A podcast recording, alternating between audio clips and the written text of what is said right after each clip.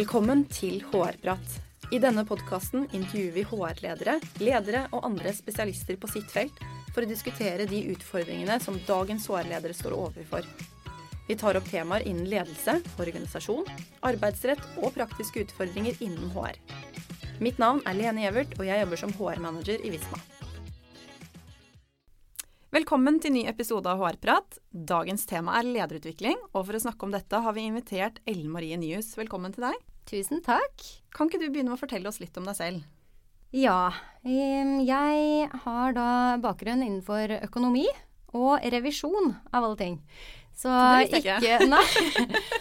Ikke en tradisjonell HR-utdanning. Mm. Eh, men jeg hadde en ganske kortvarig revisjonskarriere i Jørnsen Young. Den varte vel i ca. tre kvart år. Eh, mm. Eh, når vi begynte med ligningspapirene eh, første gangen, så ble jeg spurt om jeg ville gå over i HR-avdelingen. Eh, og vet ikke om det var fordi jeg gjorde en dårlig jobb som revisor, eh, eller om de så at jeg hadde noen andre evner. Men i hvert fall så valgte jeg da litt tilfeldig å takke ja til det, og har blitt i HR siden. Det var i 2014.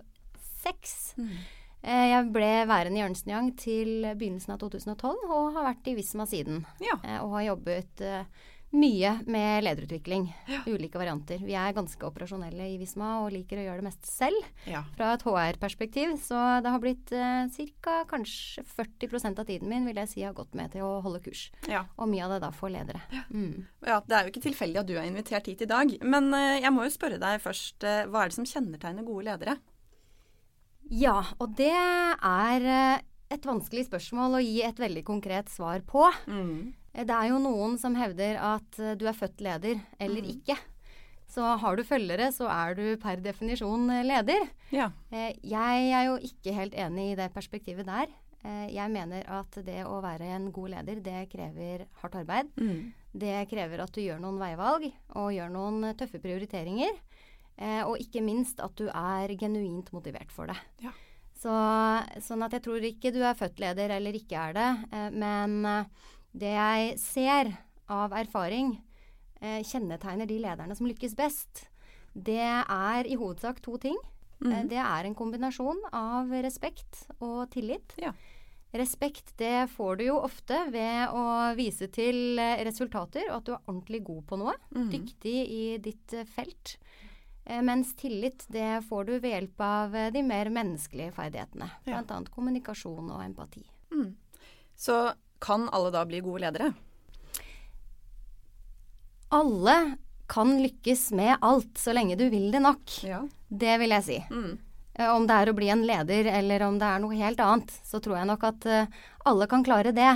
Men det ligger nok lettere for enkelte mennesker enn andre. Ja. Så for noen vil det kreve mer innsats, og for andre mindre. Mm. Eh, og det avhenger i stor grad av, eh, egentlig som jeg også nevnte, motivasjonen. Hvor mm. mye du ønsker det. Ja, ønsker sant. du det nok, så klarer du det. Men med det i, i bakhodet, hvordan jobber du med lederutvelgelse?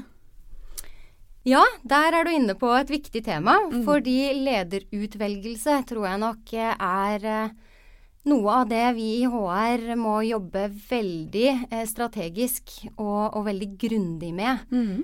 Fordi velger du feil ledere, jo, men så vil du sannsynligvis ikke lykkes. Mm. Eh, sånn at eh, det å vite hva du skal se etter, hva du trenger i en leder i din organisasjon, det er helt avgjørende. Mm. Eh, vi ser fra ulike virksomheter, og også internt i Visma enkelte steder, at eh, ledere velges fordi de er ordentlig gode i det de driver med, mm. og så plukkes de til en lederposisjon. Eh, så, så, jeg tror nok det å ha en grundig utvelgelse og, og gjøre gode vurderinger eh, og også åpne muligheten for flere å rekke opp hånda og si mm. at de er motivert for det. Ja fordi det dukker ofte opp eh, noen kandidater som du kanskje ikke hadde tenkt ja. ville melde seg, men som viser seg å være ordentlig, ordentlig motivert for det. Og også ha de personlige egenskapene som skal til for å lykkes. Ja. For det handler vel kanskje litt om at det er jo ikke nødvendigvis sånn at de sterkeste fagtalentene er de beste ledertalentene? Det er ikke alltid tilfellet, nei. Mm. Eh, men tradisjonelt sett så er det de som er best innenfor faget, som også har blitt ledere. Fordi det er sånn i samfunnet i dag mm. at skal du avansere og klatre på karrierestigen, så innebærer det å få personalansvar. Ja. Og det er ikke alltid riktig. Eh, og det er, eh, det er, flere tilfeller av det hvor du ser at det er noen som har blitt leder egentlig uten å ha noe særlig lyst til det. Mm. Eh, eller å ha noe særlig god evne til det. Og hvis de mangler de to tingene, mangler litt vilje, mangler litt evne, jo, men så er det ikke så enkelt å lykkes heller. Så, ja, så det, det, er farlig. Mm. Nå er vi jo hovedsakelig inne på intern lederrekruttering, men hvilke utfordringer møter du eh, når du skal rekruttere ledere eksternt? Jeg vil si at eh, det for en stor del er samme type utfordringer. Mm. Eh, fordi når du ser etter motivasjon og personlige egenskaper, så er, eh, så er, på en måte kriteriene de samme om du ser etter en intern eller en ekstern. Mm. Men når det dreier seg om forfremmelser internt, så er jo dette personer som du kjenner fra før, mm. hvor du har interne referanser. Eh, og du vet i større grad om det er en kulturell match eller ikke. Mm. Eh, sånn at det Der er det noen flere usikkerhetsmomenter når du går eksternt. Ja. Eh, og ikke heller like enkelt å, å, få den informasjonen du trenger av referansene. Så jeg vil si i bunn og grunn så er det alltid litt større risiko å, å gå eksternt.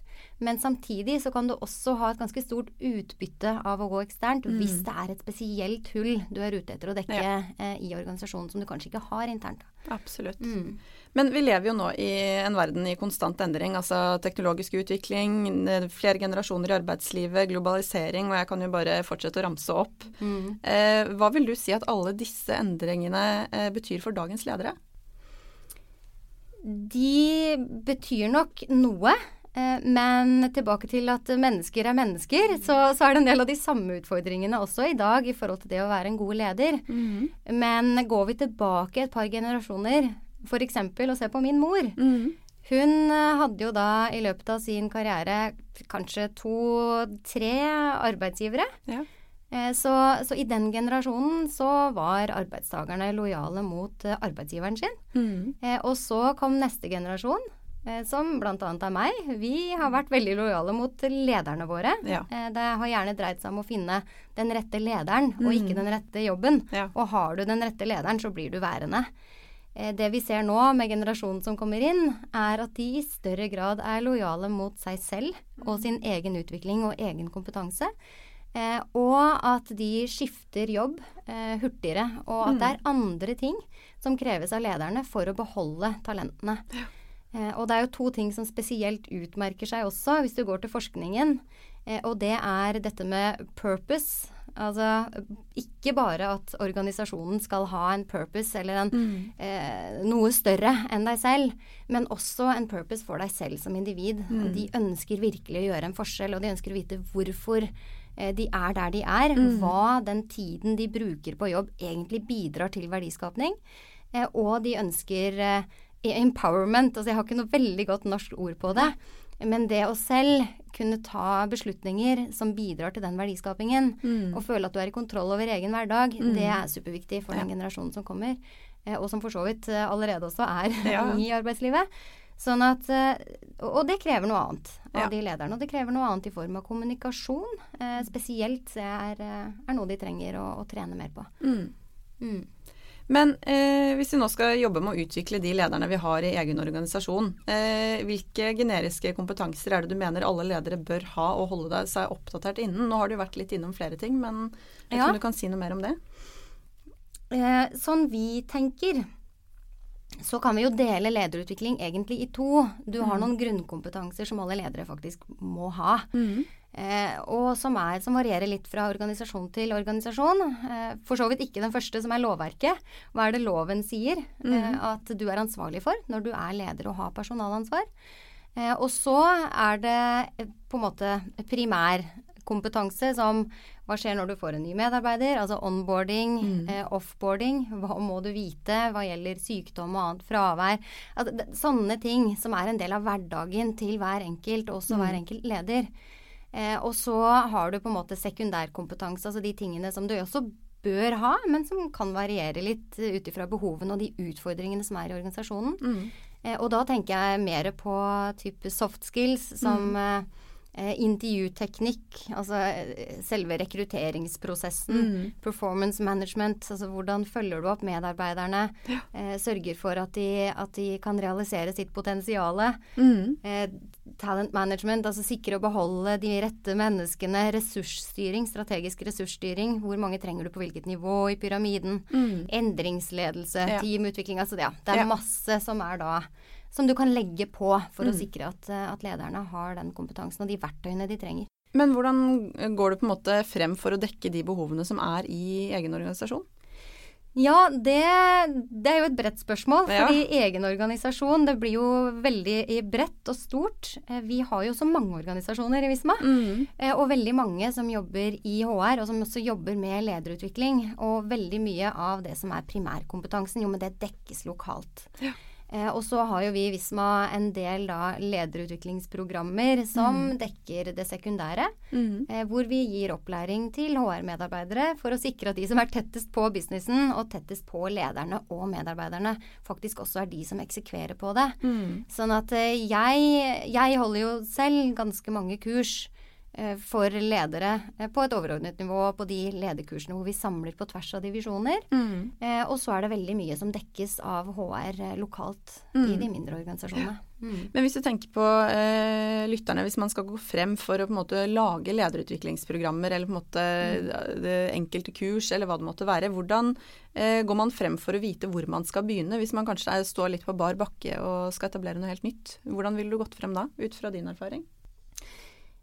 Ja, da tenker jeg at alt handler om å kjenne utfordringene i egen organisasjon. Mm. Fordi det er så mye der ute at hvis du bare begynner å plukke, så vet du ikke om den tiden du bruker på lederutvikling for lederne dine er verdiskapende. Mm. Og sånn tenker vi hele tiden i HR. Mm. Hvis vi skal stjele, stjele i gåseøyne av noens tid, om det så er ledere eller medarbeidere, jo, men så skal vi være absolutt 100% sikre på at denne tiden er en investering. Mm. Det er ikke en kost. Vi gir denne lederutviklingen fordi vi virkelig mener at det vil gi avkastning.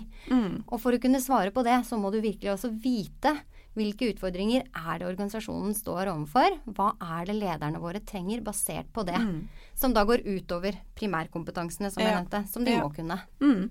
Det jeg har sett, som jeg kan gi som et eksempel, da, eh, som, eh, som enkelte ledere sliter med å vite, og som egentlig er ganske avgjørende for å kunne være en god leder, er hva ligger innenfor mandatet mitt? Mm. Eh, og, og hvor mye penger har jeg å bruke? Hvis en av mine ansatte har jobbet veldig mye, gitt eh, Skapt store verdier en eller annen uke, kan jeg kjøpe en gave? Kan jeg Mm. gjøre så, så, Sånne litt sånn ja, tydeliggjøring av mandat og sånn. Det Ja. altså bør jo egentlig ligge som en primærkompetanse, men det er det ikke alle som har. Nei. Mm. Men hvis vi da er i en litt større organisasjon, så kan man jo ofte oppleve at det er litt ulikt behov, eller at folk eh, holdt på å si roper etter forskjellige ting. Eh, hvis du er litt usikker på hvor man rett og slett skal starte, har du noen tanker om hvordan man kan gå frem da? Mm. Eh, ja, hvis jeg forstår spørsmålet riktig, så, så tenker jeg at det da tilbake til det jeg sa tidligere, dreier seg om å, å virkelig kjenne organisasjonen. Og, og kjenne til hvilke utfordringer eh, organisasjonen står, ut, eh, står overfor. Ja. Og basert på det eh, ha en formening om hvor man bør legge trykket. Det er klart, det i seg selv er jo ikke nok. Nei. Eh, fordi mange av lederne vil være ulike, og det er ulike mønstre i hva de selv mener at de trenger. Ja. Så jeg tenker, hvilke utfordringer står vi overfor? Mm. Én-til-én-samtaler med Ja. lederne, eh, og selvfølgelig med, med medarbeiderne. Og ikke minst å være tett på eh, administrerende, eller de, Mm. de som på en måte sitter som beslutningstagere i organisasjonen. Kombinasjonen av de to tingene, og Mm. selv sitte med en profesjonell kompetanse på dette området, kombinasjonen av de tre, Mm. vil være avgjørende for at du gjør noen riktige veivalg der. Ja. Fordi jeg tror hvis du bare spør lederne, så kan de ha en formening. Spør Mm. du medarbeiderne, kan de ha en annen. Så du som fagperson må også kunne gjøre noen vurderinger Ja. av hva som vil være mest eh, verdiskapende. Mm. Mm. Men hva mener du er behovet i din organisasjon der du er i dag? Det er ganske spredt, mm. eh, vil jeg si. Fordi vi har så utrolig mange Vi er jo ikke én organisasjon, vi er Nei. veldig mange. Eh, og de organisasjonene har veldig ulike utfordringer. Mm. Så, så i min divisjon så, så kan jeg jo si at eh, Der er det noen som har kommet veldig langt, Mm. eh, og som er veldig sterke og har sterk vekst og medvind og, og veldig dyktige ledere fra før. Mm. Eh, sånn at eh, der er behovene litt annerledes enn en andre organisasjoner, hvor det Mm. kanskje ikke er like stor grad av medvind, og hvor de er ferske og kanskje nettopp har kommet inn i Visma-familien og har noen voksesmerter Ja. og kanskje ikke har hatt noe særlig lederutvikling fra før, hvor man begynner litt på bar bakke. Mm. Så at det varierer veldig. Sånn at vi er ganske avhengige av å være allsidige. Eh, og å kunne eh, tilpasse oss til de organisasjonene som vi har, og som vi også får inn som en del av Visma-familien. Det kommer jo nye selskaper inn hvert eneste år. Men hvordan holder du deg oppdatert for å kunne klare å levere så bredt som det du faktisk gjør, ut fra det du sier her nå? Ja, eh, godt spørsmål. Jeg er veldig heldig som har så mange dyktige HR-kollegaer Mm. som jeg lærer masse av. Eh, Vi inspirerer hverandre og er veldig opptatt av å dele erfaringer, også best practices og de ulike kursene vi lager. Mm. Eh, Så det er en veldig viktig kilde. En annen ting, altså det har jeg testet med litt varierende utfall egentlig, men det det fins noen gode nettverk der ute Mm. eh, som man kan være med i. Eh, HR-nettverk, eller nettverk hvor du da samler folk på tvers av ulike kompetanseområder, som Mm. kanskje er enda mer verdiskapende, vil jeg si. Ja. Eh, og så finnes det jo selvfølgelig forskning. Eh, det lønner seg å følge med på den, fordi det skjer noe nytt hele tiden, Mm. også innenfor HR-området. Eh, og, og der er jeg personlig, så, så leser jeg mye fra World Economic Forum og Harvard Business Review. Jeg abonnerer på, på litt sånn ulike typer artikler. Mm. Eh, følger med på litt forskjellige podkasts og blogger og diverse, eh, sånn for å holde meg oppdatert. Ja. Men det er klart, i en hektisk hverdag så må jeg være ærlig og si at jeg skulle gjerne ha lest mer Ja. enn det jeg rekker. Mm. Og så er det klart at det er noen kurs og konferanser. Eh, der ville jeg vært litt grann kritisk til hva man velger å være med på. Mm. For det koster mye penger, og det koster tid. Så, så det å være litt grundig og gjøre noen referanser før du velger ut hva du eventuelt skal sertifisere deg i, hvilke Mm. leverandører du skal bruke, og hvilke kurs du skal gå på, sånn, det, det er avgjørende. Mm. Mm. Eh, hvis du skal komme med noen råd til de som hører på helt avslutningsvis, hvilke tre råd vil du gi for at de skal lykkes med lederutvikling? Ja, det, det kan jo også være så mangt. Mm. Men hvis jeg skal velge tre råd, så er det for det første, som med rekruttering egentlig, Mm. Rekrutter de rette menneskene, jo, men sørg for at du velger de rette lederne. Vær Mm. grundig i kravspekken. Vit hva som skal til for at en leder skal kunne lykkes i din organisasjon, og gå veldig hardt ut eh, etter de kriteriene. Eh, og er du i tvil, så er du egentlig ikke i tvil. Så det er det ene. Velg Mm. de rette lederne. Eh, sørg for at de får den utviklingen og de verktøyene de trenger for å bli enda bedre ledere. Mm. Eh, Fordi du kan alltid bli bedre. Eh, Det vil alltid trengs en form for utvikling. Det er nummer to. Mm. Nummer tre Gjør det du kan for å være så operasjonell og kompetent på dette området selv, sånn at du kan være en god businesspartner for dine ledere som HR-medarbeider. Tusen takk for gode råd, og tusen takk for at du kom. Bare hyggelig. Og til deg som hører på, vi prates. Hvis du har temaer eller spørsmål du ønsker vi skal diskutere, send oss gjerne en mail på hrprat.visma.com. Og for flere episoder, sjekk ut visma.no slash podkast slash hrprat.